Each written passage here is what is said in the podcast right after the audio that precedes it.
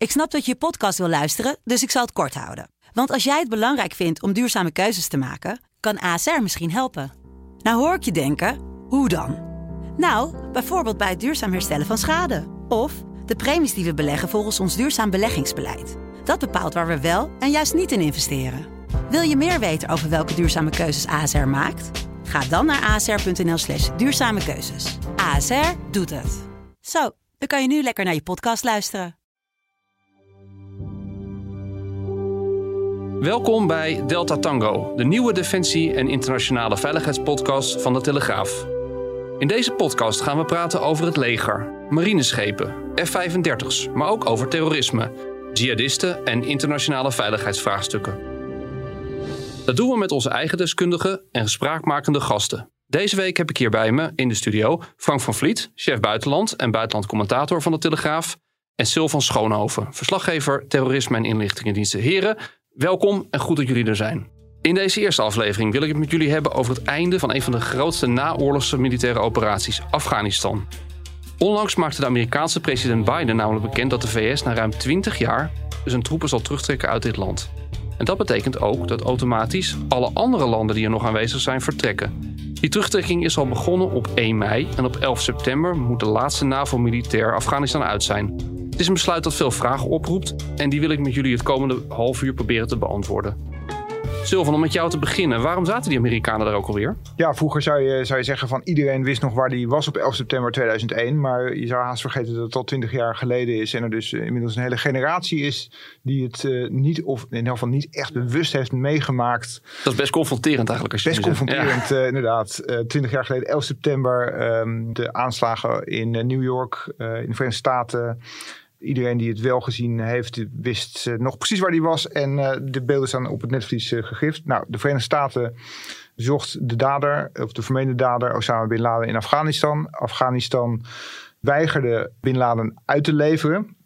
Osama Bin Laden was al langer in Afghanistan als had meegeholpen met de strijd tegen, tegen de Russen. Was daarna naar de Soedan vertrokken, daarna teruggekeerd naar Afghanistan. En uh, vond daar, zo zagen de Verenigde Staten dat in elk geval, een soort veilige haven waar hij trainingskampen oprichtte en de terroristen opleidde voor de internationale jihad. De Taliban, het regime wat daar, uh, wat daar sinds uh, half jaren negentig de macht had, weigerde hem over te leveren. Het was overigens niet zo dat zij hem helemaal verstopten voor strafvervolging. Ze zeiden van, nou ja, er kan best een proces komen tegen Bin Laden, maar dan wel hier. Ze weigerden hem uit te leveren. En de Verenigde Staten vielen vervolgens het land, het land binnen om de Taliban omver te werpen naar een nieuw regime te vestigen. The United States military has begun strikes against Al-Qaeda terrorist training camps and military installations of the Taliban regime in Afghanistan. En dat was president George W. Bush. Die maakte bekend dat de Amerikanen Afghanistan waren binnengevallen. Ja, Nederland heeft daar uh, ook een rol bij gespeeld uh, met vele andere landen daarbij. Ja, dat, uh, dat hebben ze zeker natuurlijk. Hè? Want die Amerikanen die, die konden dat in hun eentje absoluut niet aan. Dat wisten ze toen ook al. Ja, ja die Amerikanen hadden die anderen natuurlijk vooral politiek nodig. Het was een, een beetje morele steun voor die Amerikanen. Want militair hadden ze die Taliban natuurlijk weg kunnen vegen. Zoals ze eigenlijk al meteen hebben gedaan. Was het omstreden dan destijds? Om even terug te gaan naar, naar die nee, periode? Nee, dat was Irak natuurlijk. Irak uh, had geen wapens van uh, massavernietiging, zoals uh, later bleek. Afghanistan, daar was toch wel, ja, in de westerse wereld natuurlijk, was wel brede steun voor. Ja, en ook Nederland moest kleur bekennen. Premier Kok kondigde aan troepen te sturen. Dan zullen wij onze solidariteit niet slechts in woord mogen beleiden, maar in daad voluit moeten waarmaken. Zo'n moment kan dichtbij zijn. En ingrijpend. Even het, was, het was echt heel dicht op die aanval hè, op de Twin Towers, die iedereen ja. voor vol walging had gezien. Ja. Uh, hoe snel gingen ze erin? Dat, dat weet ik eerst niet, maar het, wa het was snel. Het was uh, snel en het was ook uh, ja, het was te verwachten. En ja, het was waarschijnlijk ook heel erg dom van de Taliban. Maar... Ja, want, want ze kregen de hele, de hele westerse samenleving, of ja. de hele West, alle westerse coalitietroepen over zich heen. Ook meteen een, een Nederlandse deel wat daarheen ging. Commando's, uh, er werden F-16's ingezet. Uh, wat marineschepen uh, is er ook is erheen gegaan. En dat is uiteindelijk natuurlijk ook een hele lange missie voor Nederland gebleven. Want dat is misschien iets wat ook mensen niet meer helemaal beseffen. Maar ja, we zijn daar onafgebroken twintig jaar in allerlei vormen geweest in, in, in Afghanistan. Ja, en er was voor Nederland natuurlijk ook eigenlijk weer iets om zich te bewijzen. Hè? Want we hadden natuurlijk nog steeds het trauma van Srebrenica. Van uh, Nederlanders die goed zijn in nation building en eigenlijk niet konden knokken. En ja, nu ging er dus eigenlijk toch echt van een tandje meer aan wapens naar Afghanistan toe. Omdat er geleerd was van Srebrenica. Ja, het interessante is dat dat dat dat, vind ik, als je dat ook nu terugziet, politiek ook best wel gevoelig lag. Want aan de ene kant wilden we graag meedoen. We wilden een goede bondgenoot zijn. En tegelijkertijd uh, lag het heel gevoelig. Die Amerikanen die, uh, die gingen dat land in met de Operation Enduring Freedom. eigenlijk als je dat vrij vertaalt, een, een terroristenjacht, ja. zou je moeten zeggen. En daar wilden wij in Nederland toch ook weer niet helemaal bij horen. Wij wilden wel meedoen, maar het moest wel een beetje binnen de perken blijven. Ja, kijk, wij zijn natuurlijk altijd veel meer van vredesmissie. We zijn geen natie. Dat waren we misschien heel vroeger, uh, in de Gouden Eeuw of zo, of de tijd van Michiel de Ruiter. Maar wij zijn natuurlijk niet echt een natie die uh, graag ten strijde trekt. Nee, Die traditie kennen we niet. Nee, en, en uiteindelijk, hè, Silvan, uh, ja, volgens mij is het helder. Hè? De grootste Nederlandse betrokkenheid is er in die Oeruzgan-tijd gekomen. Hoe ging dat? Ja, want je, je zag dat hoewel uh, die missie uh, hier politiek werd verkocht natuurlijk als een opbouwmissie, uh, bleek het al heel snel, en eigenlijk wist men dat van tevoren al toen men daarheen ging, bleek het toch een vechtmissie te zijn. En dat is door onze militairen ook vol overgave gedaan. Die hebben daar echt hevige slag geleverd. En het hoogtepunt zou je kunnen zeggen daarvan, en daarbij komt inderdaad ook dat thema Srebrenica terug, was de slag om Chora in de junidagen van 2007 toen Nederlandse militairen daar uh, ja, eigenlijk vergelijkbaar met Srebrenica ingesloten zaten in een, in een vallei, omringd door vijanden.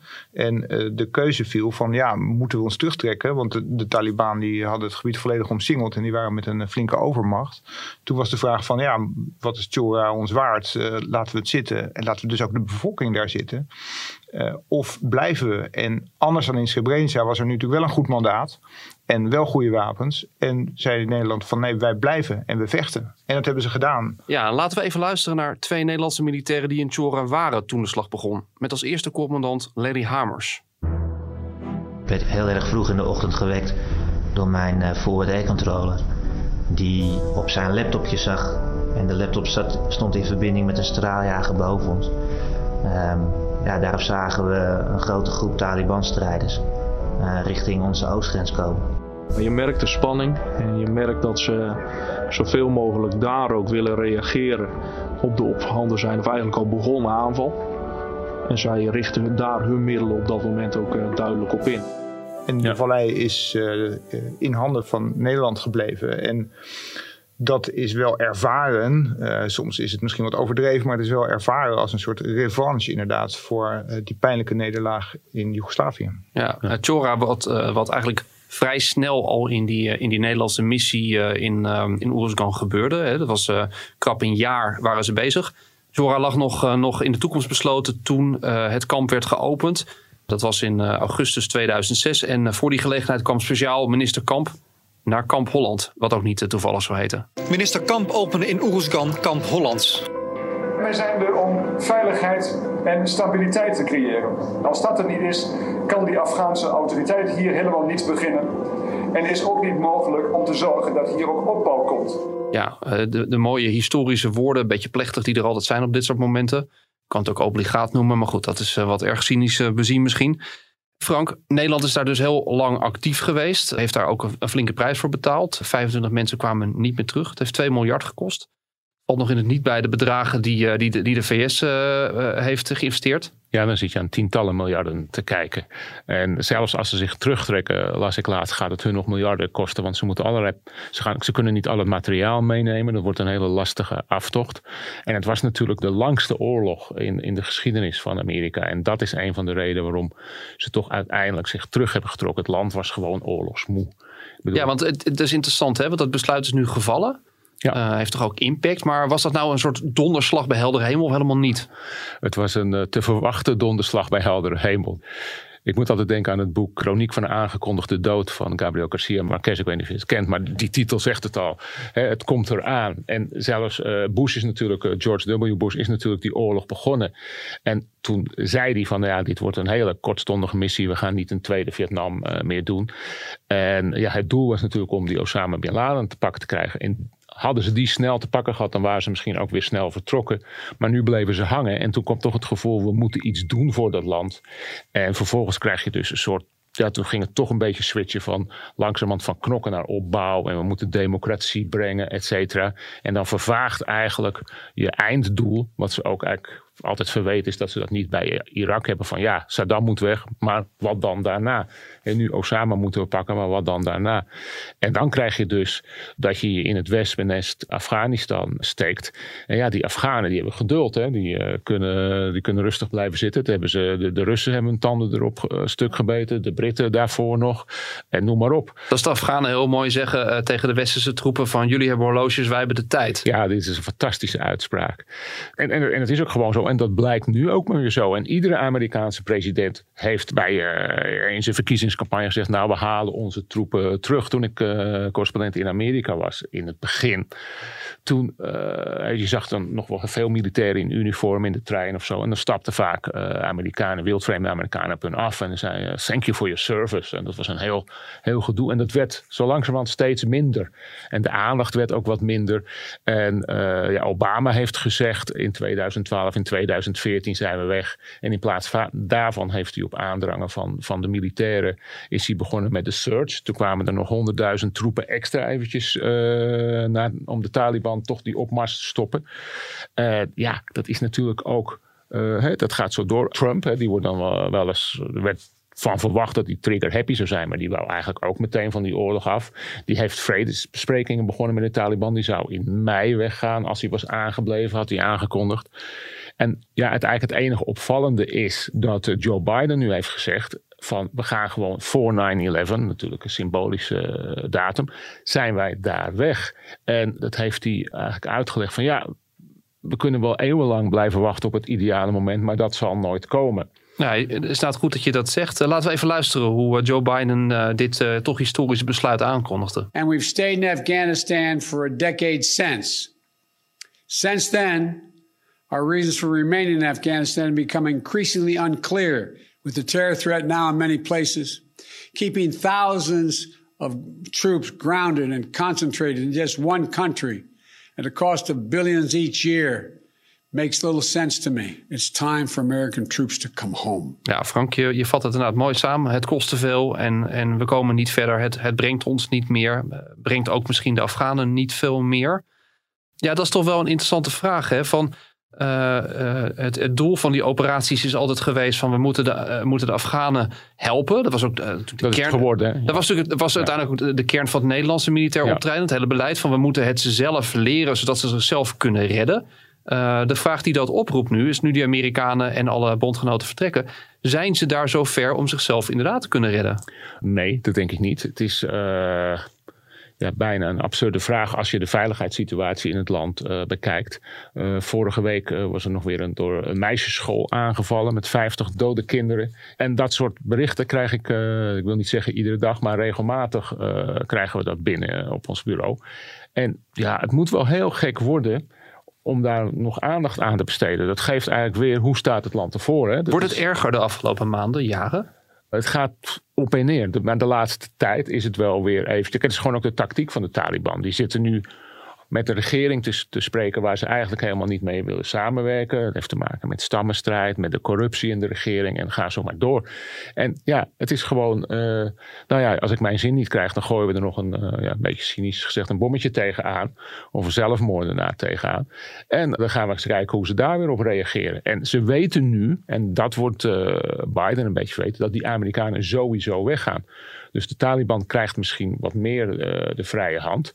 En ja, ik heb weinig uh, vertrouwen erin dat dat land terecht uh, bovenop komt. En zeker niet in de vorm die wij zo idealistisch hadden voorgesteld. Van een prachtige democratie, vrouwenrechten, et cetera. Aan de andere kant, er is natuurlijk wel iets veranderd in het land. In sommige delen van het land. En je moet maar hopen dat, dat, uh, dat het ei dat gelegd is ooit uitkomt. Wij hebben, wij hebben soms natuurlijk het idee van hè, al die Nederlandse slachtoffers die daar gevallen zijn. Al die miljarden, al die moeite die wij gedaan hebben, is allemaal weggegooid. Maar het beeld klopt misschien toch niet helemaal. Wij, wij spraken onlangs met Martin de Boer. Die was uh, verantwoordelijk eigenlijk voor alle hulpprojecten daar. Ja. Voor de steun. En die van, zei, buiten, van buitenlandse zaken. Van buitenlandse ja. zaken, ja. En die is, die is eigenlijk behoorlijk optimistisch. nou is het van huis uit volgens mij ook geen, geen pessimist. Maar die, die zegt toch van er, er is toch nog heel veel wat wij hebben opgebouwd of helpen opbouwen. staat nog overeind. En dan heb je het misschien niet over elke meisjesschool en over elke waterput. Maar verrassend veel functioneert toch nog wel. Maar ook, ook hij maakt zich natuurlijk zorgen van wat gaat er gebeuren op het moment dat wij daar helemaal weg zijn. En ja, hij ziet zelfs een, de mogelijkheid van een burgeroorlog uh, aan de horizon verschijnen. En die, in die burgeroorlog, van, uh, hij speelt natuurlijk de Taliban een belangrijke rol. Uh, het beeld was toch van, ja, maar die, die zijn toch weg, die zijn toch verslagen. Hoe, hoe zit dat? Want ze zijn er nog. En hoe, hoe staat het ervoor met die, met die organisatie? De Taliban zijn natuurlijk nooit verslagen geweest. Die hebben zichzelf niet eens beschouwd als een soort rebellenleger. Die beschouwden zichzelf gewoon als een een soort regering die aan het wachten is. Een soort regering in ballingschap die gewoon het moment afwacht om uh, ja, de boel weer, weer over te nemen. Uh, het Emiraten Afghanistan, zoals ze zichzelf noemen. En uh, dat moment lijkt nu aangebroken. En uh, dat, dat uh, verkondigen zij ook luidkeels. Ze zeggen ook van ja, wij hebben deze oorlog gewoon, gewoon gewonnen. En dan de volgende vraag is natuurlijk van zijn de Taliban van nu nog de, de Taliban van toen? Hè? Want toen zag je natuurlijk vreselijke strenge maatregelen. de Taliban zijn natuurlijk streng islamitisch. Die verboden van alles. Van muziek. Geen, geen, muziek, niet dansen. je baard laten staan. Een baard staan. openbare stenigingen. Openbare stenigingen. duiven werden afgeslacht omdat, omdat het ook tegen de sharia zou zijn. Dus, uh, en en uh, met name natuurlijk op het gebied van meisjesonderwijs in de plek van de vrouw uh, zetten dat, dat land natuurlijk een enorme stap terug in de tijd. De vraag is nu, is de Taliban van nu nog steeds van die richting? Het antwoord is denk ik ja. Maar ze, ze presenteren naar de buitenwereld zich wel als een organisatie die nu ook oog heeft voor de positie van de vrouw en de mogelijkheid voor meisjes om naar school te gaan.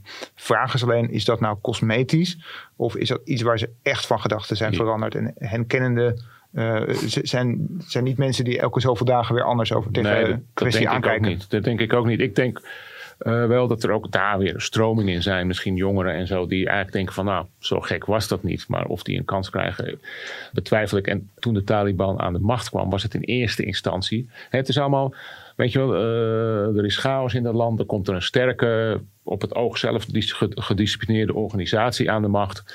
En dan gaat het leven eventjes gewoon door. En zij laten dat ook even toe. En dan langzamerhand komt, hè, want ze willen nog steeds de sharia-wetgeving in de ergste vorm invoeren. En dan langzamerhand komt dan toch de staatsterreur uh, naar boven drijven. En dat is natuurlijk het gevaar nu weer. Ja, het lastige was natuurlijk ook, hè, dat, is, dat is terugkijkend, maar dat wat er voor in de plaats kwam, de regering Karzai, ja. Uh, ja, heel snel ontaarde dat toch ook weer in, uh, in corruptie, in het bevoordelen van, van vriendjes, uh, ondoorzichtige machtsverhoudingen. Dus, dus laten we zeggen, het alternatief voor, voor de Taliban wat geboden werd, ja, dat was misschien voor een hoop mensen ook nog niet zo ontzettend aanlokkelijk. Ja. Ik heb net op de corruptieindex nog even gekeken. En ze staan uh, 170ste qua uh, corruptie. En er zijn, uh, de laatste plek is 180. Dus uh, dan weet je wel hoeveel het is. En ik heb ooit, ooit eens in een, in een buitenlands blad, ik geloof de New York Times, een verhaal gelezen over een tankstation bij Kabul. Nou, dat had zoveel sponsorgeld gegeven, dat had een paleis moeten worden. Maar het bleek gewoon een heel eenvoudig tankstation te zijn met drie pompen of zo. Ja, dus ja dat is treurig. En uh, misschien onderschatten we de Afghanen wel. Uh, er zijn ook hoogopgeleide Afghanen. Ze hebben natuurlijk, heel veel Afghanen zijn gevlucht in het buitenland, hebben daar uh, studie gedaan en zouden misschien terug kunnen komen om. En die zijn ook groot, voor een deel ook teruggekomen om er iets van te maken. Maar ja, het blijft een, een heel ingewikkeld land. ze spreken er 50 verschillende talen. Dus ja. Is natuurlijk ook het interessante van Afghanistan. Uh, dat het ook een soort maatschappij is die wij helemaal niet uh, herkennen. En, en daarom vaak ook niet snappen. Het is geen centraal, ja, formeel wel een centraal geregeerd land, maar eigenlijk de echte machtsverhoudingen, die, die liggen veel fijnmaziger. Die zijn lokaler, dat, die lopen volgens stammenlijnen. Ja, en je kan bijspreken. Ja. ja. dus wij spreken, het is ook veel lastiger om een centraal gezag met, met bijbehorende wetgeving en alles en nog wat wat er is, in zo'n land te vestigen. Want het, het werkt gewoon anders daar dan bij ons. Ja, dat uh, lijkt mij heel duidelijk. Ja, ja dat is natuurlijk ook misschien ook wel, want dat is interessant. Eigenlijk komt hiermee natuurlijk ook een einde aan, uh, laten we maar zeggen, het het Messiaanse buitenlandbeleid uh, definitief van, van de VS, toch of niet? Ja, dat zegt ook iedere president, hè, want ze willen het niet. Ze willen ook altijd weg uit het Midden-Oosten. Nou ja, dat zie je nu weer. Nou zeggen ze van ja, nou moet Amerika toch gauw weer even vrede stichten. En die druk komt er toch altijd weer op Amerika. Maar ja, iedere Amerikaanse president die nou ja, zeg maar zeggen, sinds, sinds Bush. Ja, die hebben zoiets van, ja, wij willen toch echt niet meer een politieagent ter wereld zijn. Het is te duur. En ja, zowel, zowel in bodybags die terugkomen. En ja, wat levert het eigenlijk op? Ja, ja nou goed, dat, dat, wat je ziet is natuurlijk dan dat... Ehm, uh, dat wat, wat de VS uitzet aan buitenlands beleid, dat dat bijna kniplak ook het Nederlandse buitenlands beleid is. Ook de Nederlandse troepen die gaan, uh, die gaan terug naar huis toe. En uh, onlangs maakte minister Bijleveld dat, dat bekend. Als de Amerikanen weggaan, is het voor de rest van de troepen ontzettend moeilijk om daar te blijven. Dan hebben we niet genoeg van, uh, aan, aan, middelen hmm. om de veiligheid te waarborgen. Dus we hebben daarover met elkaar gewikt en gewogen en gezegd: Nou, we zijn er samen ingegaan, dus ook samen uit. Dus het is geen overwinning. En ook geen capitulatie. Nee. Ja, dus ook voor Nederland komt een uh, definitief eind aan, uh, aan de missie. de vraag is: hoe, hoe riskant is het, is het vertrek van onze troepen als wij daar weggaan? Ja, dat is natuurlijk best wel een kwetsbare fase. Hè? Want ik bedoel ja, je, je zit in een, in een situatie waarbij je een enorm overwicht hebt.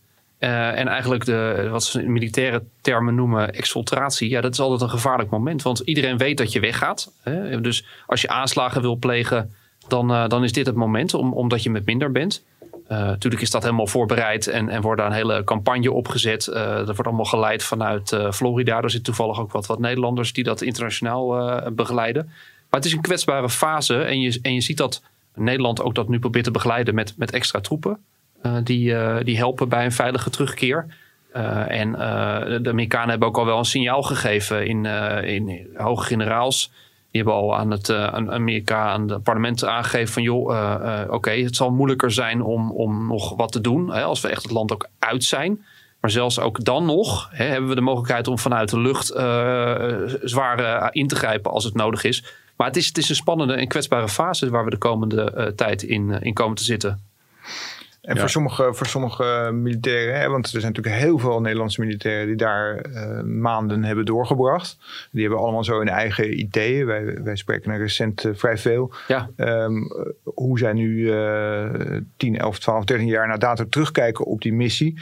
Sommigen die hebben, die hebben daar echt wel met een zeker pijn in het hart kijken ze naar hoe hun werk toch daar wordt achtergelaten. En die, eh, wat, wat wij vaak horen is toch het geluid van... ja, waren we daar toch maar langer gebleven... hadden we toch maar langer uh, de boel op poten kunnen zetten... want dat land dat, dat, dat verdient dat zo erg. Aan de andere kant hoor je ook mensen zeggen van... ja, wij hebben toch wel de hoop dat wij kinderen iets hebben meegegeven... van hoe, uh, hoe, een, een, hoe een rechtsstaat werkt. Hoe uh, dat militairen niet altijd bullenbakken zijn... maar ook vrienden kunnen zijn. De interessante vraag daarbij is dan van... hoeveel langer had je moeten blijven? He, want dan kom je bijna op, op de discussie van... misschien had je er een generatie moeten blijven, 20 eh, jaar of 30 jaar moeten blijven. Maar dat is natuurlijk, ik bedoel, laten we zeggen, vanuit een, een, een, praktisch standpunt volstrekt onmogelijk. Dat ga je politiek nooit uh, verkopen. Dat het, uh, dat, zeker in een tijd zoals nu, hè, waarin we midden in de coronacrisis zitten.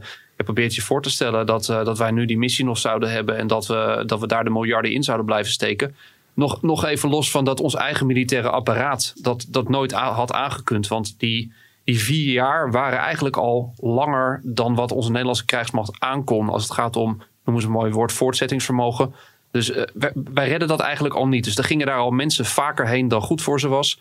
Uh, materieel van ons dat viel van ellende uit elkaar omdat het het gewoon niet meer volhield. Uh, ja, het was, het was klaar. Maar kijk, dat die militairen dat voor hen uh, heel emotioneel is, dat is logisch. Ja, ik denk als je het stapje verder maakt, ik spreek ook regelmatig nabestaanden van gesneuvelde mensen daar. Voor hun is het natuurlijk helemaal moeilijk. Het, het idee uh, dat, dat het allemaal voor niks zou zijn geweest. En in extrema is dat best iets wat ook uh, een deel van de militairen denkt. Ja, dat, dat is natuurlijk hartverscheurend. Want van jij hebt jouw, jouw geliefde zoon of, of man, of die is er niet meer. En, en, en daar ver weg, waar die gesneuveld is, gaat alles weer voor je gevoel zo door als, het, als toen. Ja, dat, dat is een hele moeilijke.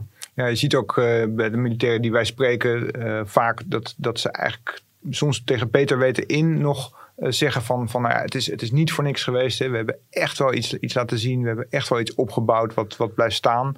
Uh, ja, sommige militairen die, die, die, die, willen, die, die willen eigenlijk niet denken aan de mogelijkheid dat al die moeite, al die offers voor niks zijn geweest. Ja, ja nee, zo van, jij bent natuurlijk zelf, uh, net als ik, daar ook geweest. Um, en, en ja, dat was natuurlijk ook wel een, een missie voor, voor Nederland van, van ongekende uh, omvang, maar ook gewoon qua zwaarte.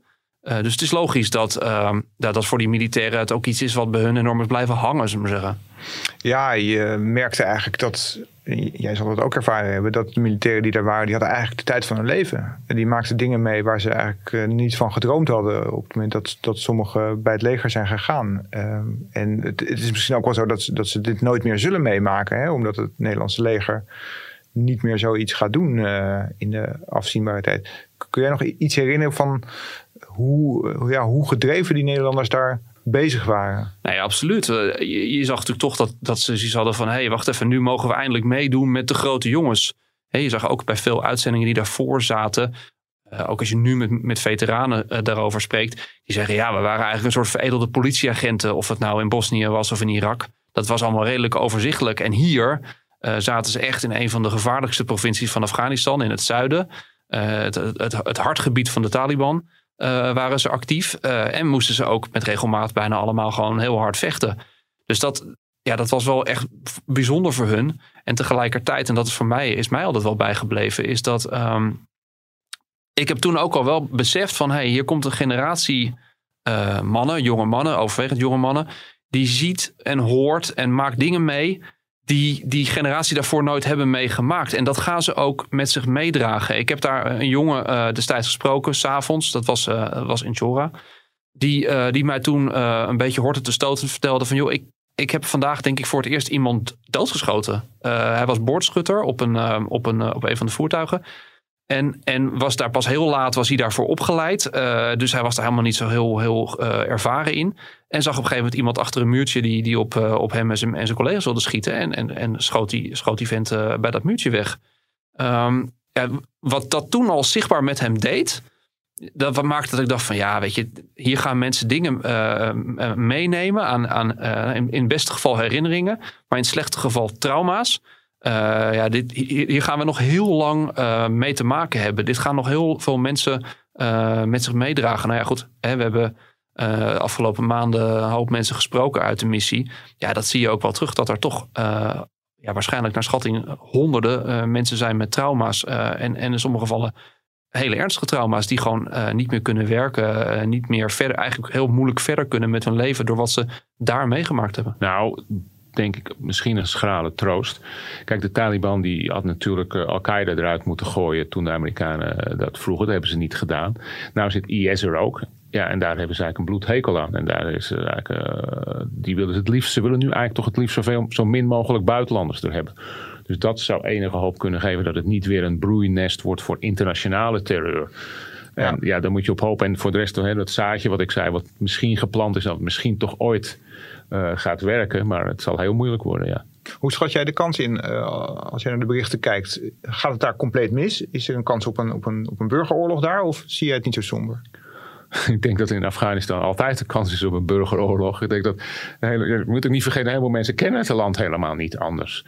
En, uh, het zal waarschijnlijk, ik denk dat het uh, in blokken weer verdeeld gaat worden. En in één deel zal de Taliban het voor het zeggen hebben. In, uh, rondom Kabul en andere grote steden zal de regering het voor het zeggen hebben. En ja, het beste scenario waar, waar je van kan denken is dat ze dan elkaar met rust zullen laten. Maar ja, dat is natuurlijk niet echt een heel uh, hoopgevend iets. Dus ik ben, ik ben daar helemaal niet, uh, niet optimistisch op. En, en zeker, het, het zal zeker niet uh, het ideale land worden waarvan we ooit gedroomd hebben. En waarvan zelfs misschien een heleboel Afghanen hebben gedroomd. En je moet ook niet vergeten dat, denk ik, voor de veiligheidssituatie in het land, als de Amerikanen weggaan, ja, dan moet je nog maar zien wat gaan al die internationale hulporganisaties, die natuurlijk uh, ook heel fantastisch werk hebben gedaan, daar onder hele moeilijke omstandigheden. Maar ja, Blijven die? Uh, kunnen die nog blijven?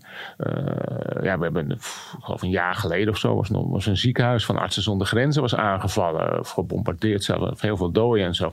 Ja, stuur dan nog maar eens even uh, een dokter daar naartoe vanuit Nederland. Ja, want er is ook geen veilige basis meer waarop ze in geval van uiterste nood kunnen terugvallen. Nee, precies. En de Amerikanen zeggen wel van ja, we blijven, we laten jullie niet in de steek. Maar ja, het, het is natuurlijk gewoon uh, van ja, we hebben nu andere prioriteiten. Het kost te veel. Uh, China wordt te machtig. We moeten onze economie op, uh, op gang krijgen. Ja, dat, dat speelt allemaal mee.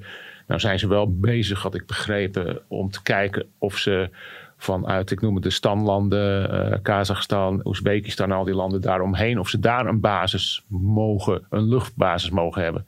Maar daar zullen de Russen dan weer uh, toestemming voor moeten geven. Dat hebben ze toen in het begin, uh, na 9-11, hebben ze wel gedaan. Maar ja, de, de, verhoudingen liggen nu, zijn natuurlijk een stuk bitterder geworden. Ja, het is, het is geen, geen al te hoopgevende conclusie. Maar, uh, maar helaas misschien wel inderdaad zoals het ervoor staat.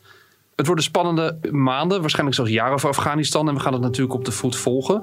Uh, en we zullen als het nodig is in deze toppodcast zeker op terugkomen. Frank, Silvan, bedankt voor jullie uitleg. Uh, we hopen dat uh, iedereen deze nieuwe podcast de moeite waard heeft gevonden. En over twee weken zijn we er weer. En we hopen dat we het mis hebben. dat het goed komt.